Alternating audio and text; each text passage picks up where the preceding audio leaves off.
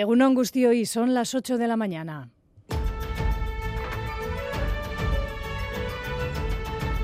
Crónica de Euskadi con Aichiber Bilbao. Sí creo que he tenido alguna responsabilidad y algún compromiso por las libertades de mi pueblo, por la paz, por la democracia. Yo me he sentido responsable como ciudadano vasco y como... Su voz se apagaba ayer, a esta hora nos daba cuenta de ello su familia. Agustín Ibarrola marcó una época con su arte junto con otros grandes como Chillida u Oteiza, maestro también de muchos artistas de hoy y en lo social luchador por la libertad. Hoy se inaugura en Durango una exposición con sus últimos trabajos, puede ser un bonito homenaje o también, y para ello el tiempo nos va a acompañar, visitar su gran obra a cielo abierto. Omaco Basoa. Ojo, no olviden que hay que reservar la entrada.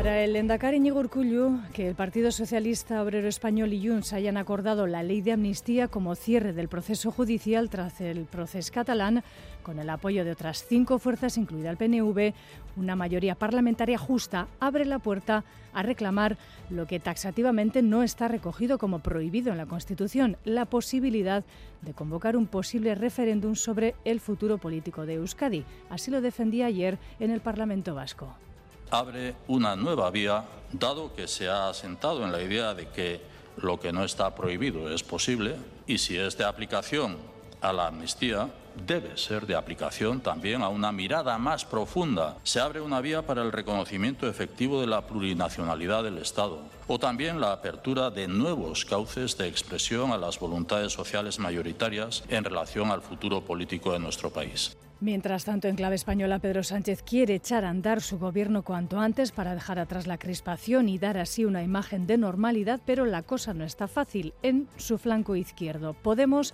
quiere mantener la cartera de igualdad y no acepta la oferta hecha por la líder de Sumar. Anoche en Gambara, el miembro de Izquierda Unida, Enrique Santiago, dentro de la coalición Sumar, hacía un llamamiento a dejar a un lado los personalismos hacemos un llamamiento a que todo el mundo trabaje por los intereses generales, que están por encima de los intereses de cada fuerza política y de cada persona. Llevar adelante el programa de Sumar, consolidar el gobierno de coalición de izquierdas, y hoy, como cada tercer sábado de noviembre, se celebra el Día Internacional de los Supervivientes a la muerte por suicidio. En Euskadi Navarra, más de 200 personas se quitaban la vida en el año 2022. Sus familiares, sus supervivientes, piden que esta realidad no se esconda porque lo que se conoce, se comparte, se puede prevenir mejor.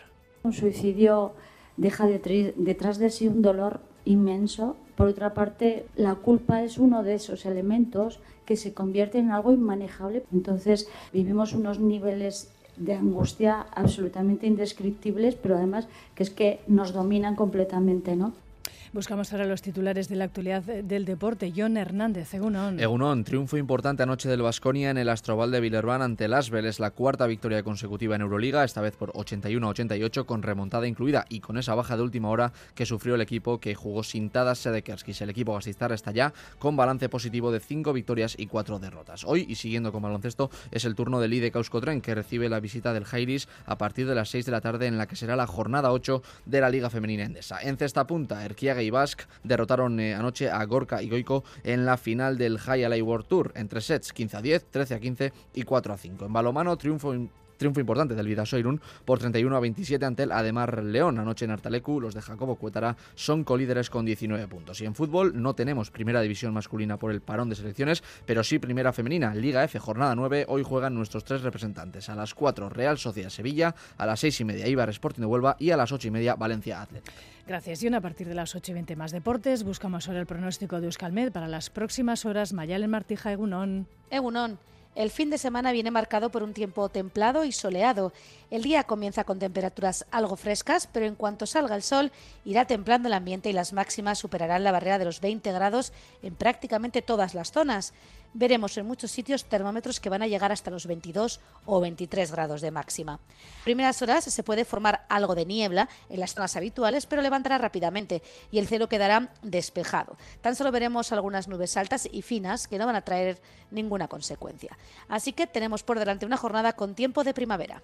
Sin incidentes hasta ahora en carreteras, reciban un saludo de las y los compañeros de la redacción de esta crónica de Euskadi fin de semana que en el control técnico coordinan Joseba Urruela y Aitor Arizabalaga. Las 8 y 5 minutos. Comenzamos.